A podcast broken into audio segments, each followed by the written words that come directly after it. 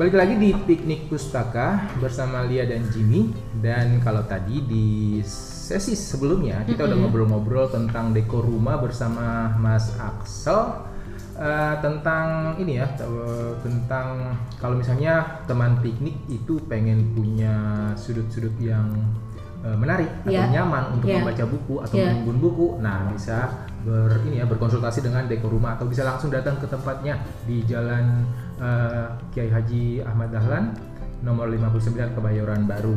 Nah, sekarang seperti yang tadi kita udah bilang ya, kita mau ngobrolin tentang buku eh, yang berjudul Confessions. Ini karyanya Minato Kanai. Ini adalah buku terjemahan dari bahasa Jepang. Kalau katanya Lia sih dan katanya pembaca-pembacanya lain, habis baca buku ini kayaknya ada yang sesuatu yang tersisa dalam hati gitu. Iya. Jadi jadi kalau ada yang tersisa dalam hati kayaknya harus perlu diobrolkan gitu Iya, kan. benar, Jadi, jadi Nggak asik kalau gitu. dipendam doang gitu. Tak tersalurkan. Tak ya. tersalurkan.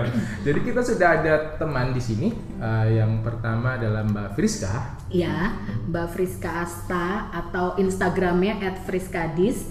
Mbak Friska ini eh, seorang psikolog, Mm-mm. eh, penulis buku, Iya. ibu dua anak. Hmm? Terus setahu aku juga punya eh, educational toys gitu, namanya Sakala Bermain. Banyak ya. Oh, sibuk banget emang ibu ini. sibuk banget terus, Terus ya pembaca buku juga. Pembaca buku juga. Lalu ada Mas Andri. Mm-mm. Ini Mas Andri ini juga banyak ininya banyak kerjaannya juga. Banyak kerjaannya Mas Andri Setiawan ya. Iya, Mas Andri Setiawan ini eh, dia editor, Ya, eh, penerjemah, ya, pembaca buku, mm-mm, penulis juga, ya. eh, pemimpi sih kan. Kalau di Instagramnya gitu sih ya.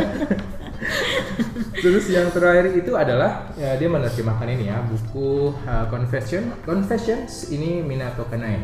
Ya, Nanti kita akan tanya-tanya ya. ya. Kalau Instagramnya Mas Andri itu di @konstantin999. Hmm. Keren ya? Instagramnya. Oke, ketemu dulu kan sama mereka berdua. Hai Mbak Friska Mas Andri. Halo. Baik-baik ya, baik-baik semuanya ya. Nggak maksudnya nggak uh, karena kita undang jadi harus bawa pagi dong datang ke sini kan ya. Baik-baik aja. Baik-baik Baik-baik saja. aja. Udah minum kopi udah nggak Oh, udah, udah ya. Sekarang uh, Mbak Mbak Friska dulu ya. Mm-mm. Uh, Mbak. Friska sekarang lagi sibuk apa? Ngerjain apa? Sibuknya itu yang kita tadi Yang dibilang tadi- Mbak oh, sibuk banget gitu ya. Nggak sih sebenarnya nggak ya kayak sibuk tapi nggak sih sibuk itu juga sih. Tetap prioritasnya kan anak-anak Uh-huh. gitu nanti kalau anak udah sekolah baru deh ngerjain kerjaan seperti jadi konsultan Mhm. eh, ke beberapa sekolah lalu juga masih ada banyak proyek nulis buku anak Mhm. khusus buku anak-anak lalu eh, seperti yang tadi Mbak Lia bilang eh, memang founder untuk mainan anak Mhm. eh, buku buku mainan anak itu sekali bermain itu yang bikin konsepnya juga saya eh, marketingnya saya jadi sehari-hari memang bergulat dengan urusan eh, buku anak dan psikologi Hmm. Kalau Mas Andri setelah setelah menerjemahkan yang akan kita bahas ini. Setelah confession ini sebenarnya sedang mempersiapkan buku-buku yang akan terbit eh, satu tahun ke depan. Jadi masih merencanakan beberapa buku. Sebenarnya udah eh, selesai terjemahannya, jadi tinggal menunggu editing, tinggal menunggu perintilan kecil-kecil lainnya sampai pada akhirnya dibuka pre-order. Jadi sedang mempersiapkan itu. Hmm. Ini penerbit eh, yang diasuh sama Mas Andri itu sering banget pre-ordernya meracuniku. Oh gitu. Heeh.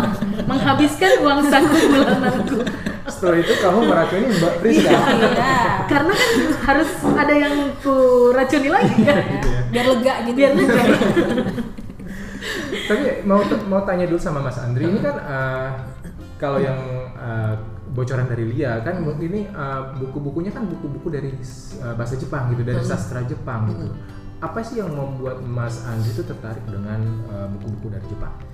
Kenapa buku-buku dari Jepang? Eh, Sebenarnya aku dulu pernah eh, tinggal di Jepang Hmm. untuk belajar, termasuk belajar bahasa Hmm. dan juga sempat bekerja di sana. Jadi itu kesempatan yang bagus banget buatku sendiri untuk bersentuhan dengan buku-buku Jepangnya secara langsung.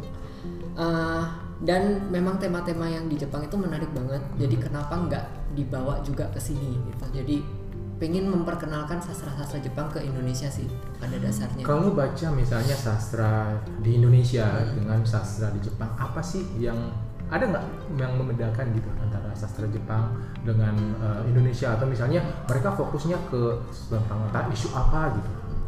Eh, untuk isu sih kayaknya hampir mirip-mirip, cuman bedanya lebih ke tekniknya. Untuk yang novel-novel Jepang, aku Hmm. lebih merasa mereka daripada alur mereka mementingkan suasananya. Jadi Hmm. bagaimana cara mereka membangun suasananya. Jadi mungkin kalau dibaca kok buku ini lambat banget ya, Hmm. padahal mereka mementingkan di suasana itu. Mereka Hmm. membangun tokohnya, membangun lokasinya, mereka dalam banget. Jadi biar, biar mungkin biar pembaca juga bisa merasakan misalnya eh, apa yang sedang dirasakan oleh si tokohnya Eh, gitu ya. benar. Eh.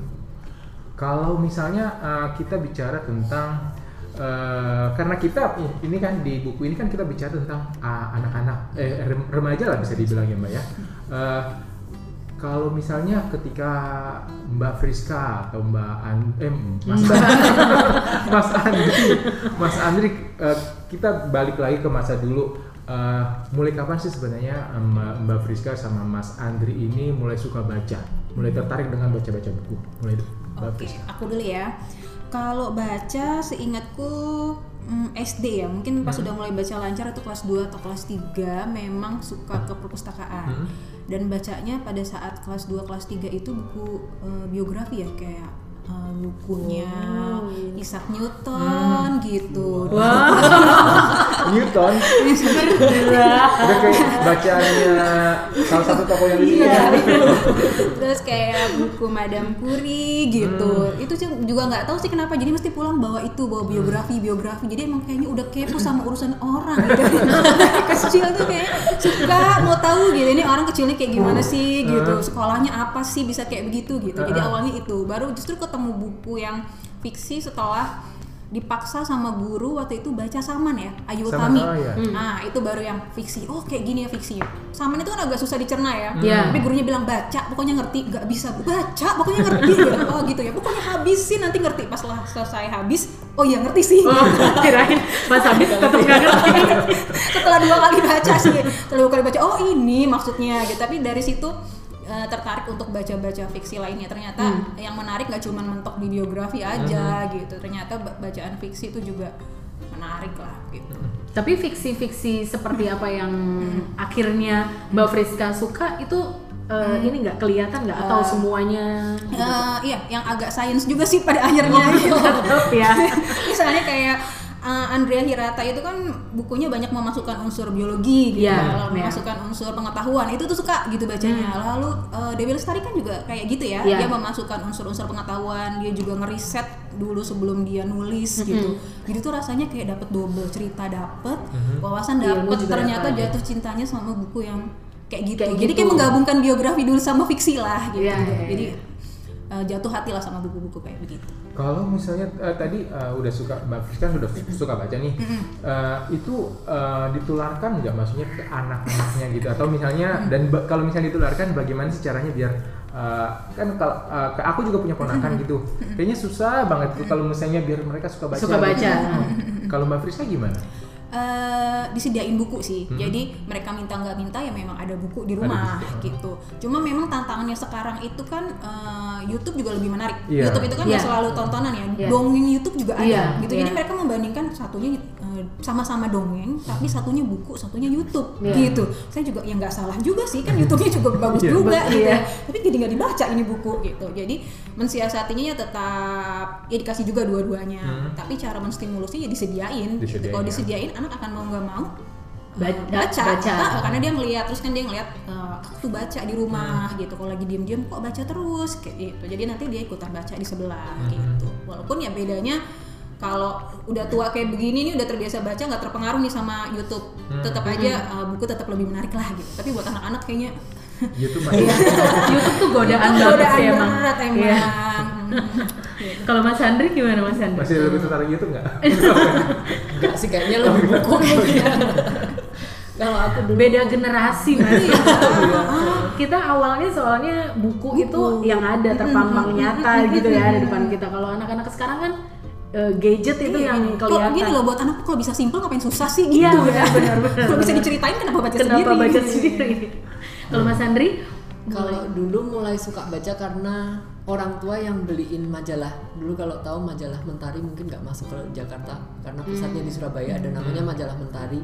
Itu dulu dibeliinnya buku itu. Karena setelah di, katanya setelah dewasa pas tanya kenapa Mentari kenapa bukan Bobo. Kan dulu teman-teman bacanya Bobo Bacanya tuh. Bobo, iya, Ini iya. dong semua baca Bobo bacanya Mentari. Ternyata karena Mentari itu lebih banyak muatan pendidikannya daripada Bobo. oh Sejenis bobo gitu. Sejenis Bobo. Sejenis Bobo. Kita cuma tahu bobo ya. iya gitu atau bobo karena pusatnya Surabaya sih jadi mungkin peredaran di Jawa Untung dia bilang beda generasi. Tapi jawabnya bukan untuk jawabnya beda kota ya beda kota ini baik nih Hampir mikir ini beda berapa puluh tahun ya kok mentari. Mentari. Aman-aman ya. abis itu itu eh, habis itu habis itu papa juga suka baca dan dia bacanya buku silat Kopingho jadi pertama Oh. terpaparnya itu dulu Oke. terus setelah itu karena ada perpustakaan di kota jadi ke situ bacanya mulai komik dulu terus ke perpustakaan yang SMP naik ke SMP mulainya baca buku cerita yang eh, cerita rakyat. Karena tersedianya dulu fiksinya itu doang. Jadi bacanya mulai dari cerita rakyat. Kayak malin kundang gitu. Itu baru SMA perpustakaannya baru mulai lengkap ada novel ada segala macam jadi akhirnya banyak menghabiskan waktu di perpustakaan Hmm, tapi nggak nggak susah ya mas pindah dari komik. Biasanya kan katanya kalau anak-anak yang mulainya dari komik uh, pindah ke novel yang tulisannya banyak itu butuh waktu atau gitu nggak? waktu itu kayak berasa pengen lebih aja sih Hmm, jadi mulai yang tulisan juga pengen kurang kayak kurang ini nih, greget gitu kurang loh greget nih si komiknya. Oh. Kalau em, Mbak Friska sama Mas Andri eh, menyediakan waktu nggak? Maksudnya untuk membaca atau misalnya oh kalau ada waktu aja baru membaca. Oke. Kalau aku ya, Mm-mm. kalau sekarang sih seadanya waktu. Tadi ya. ya, dengan berbagai kesibukan yang sibuk banget itu kayaknya tadi ya.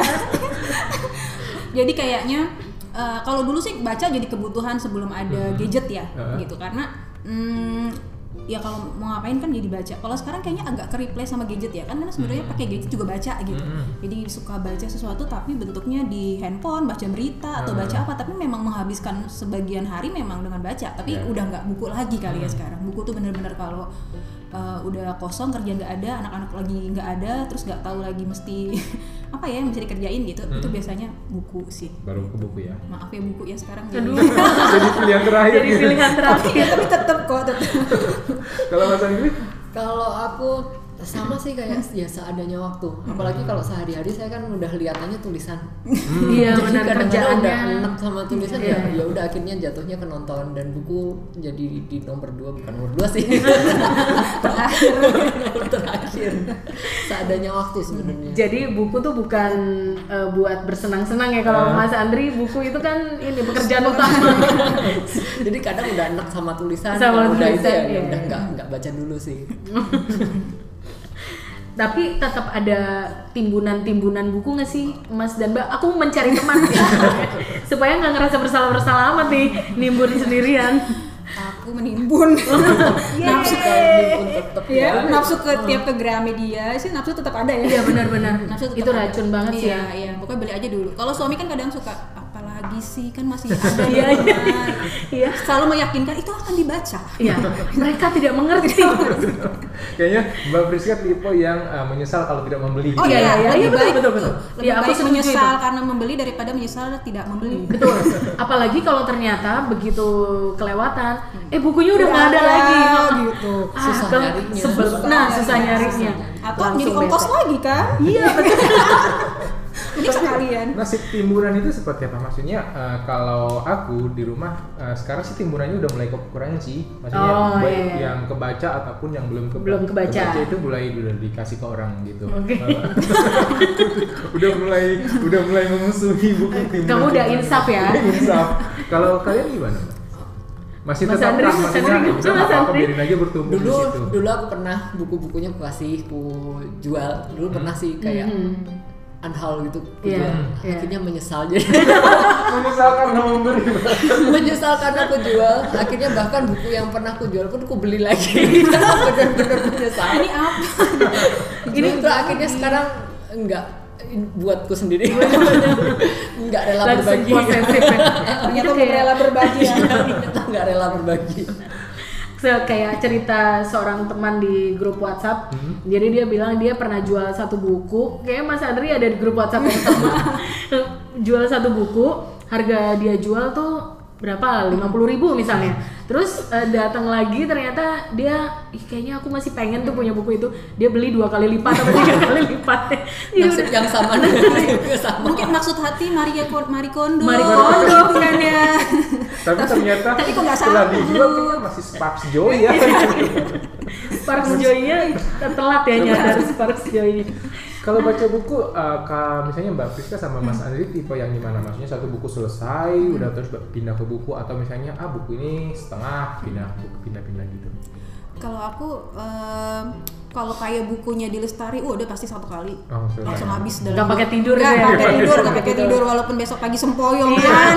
Itu biasanya langsung sikat satu malam gitu. Atau itu tadi mm, Da Vinci Code itu sikat dua malam gitu. Habis itu sih langsung kayak pingsan ya? Iya. gitu.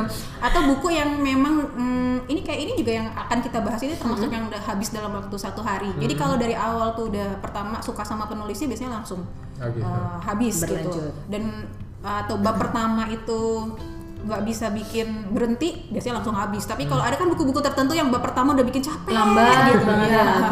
ya itu akhirnya jadi tabungan. Itu nanti lagi deh kalau kita lagi uh, apa? Lagi Kalau kita lagi ingat bukan lagi kosong lagi Iya, ingat. lagi ingat Di sini dulu ya, taruh yang paling atas ternyata beli lagi beli bawah lagi. Kalau Mas Andri, kalau aku satu buku selesai sih tapi nggak Oh. bisa kalau yang semalam atau dua hari itu nggak bisa. Jadi lebih ke pelan-pelan bacanya. Nggak- Berarti tipe setia ya, tipe setia ya. di dalam nih gitu ya mas ya? Eh, lebih karena tadi sih udah enak sama Oh, enak ya. jadi pelan-pelan bacanya. Beda beda sama kita kan? Beda, ya beda. kecuali kalau pas lagi dalam perjalanan tempo hari kayak perjalanan uh, pesawat dari Semarang ke Jakarta nah pas itu bisa baca setengah buku besoknya setengahnya lagi gitu.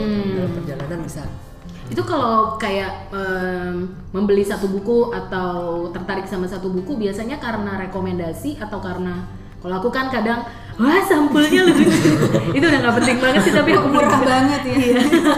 murah atau misalnya eh, banyak berseliweran di IG storyku teman-teman pembaca lagi pada baca itu. Wah kayaknya seru nih bacaannya gitu.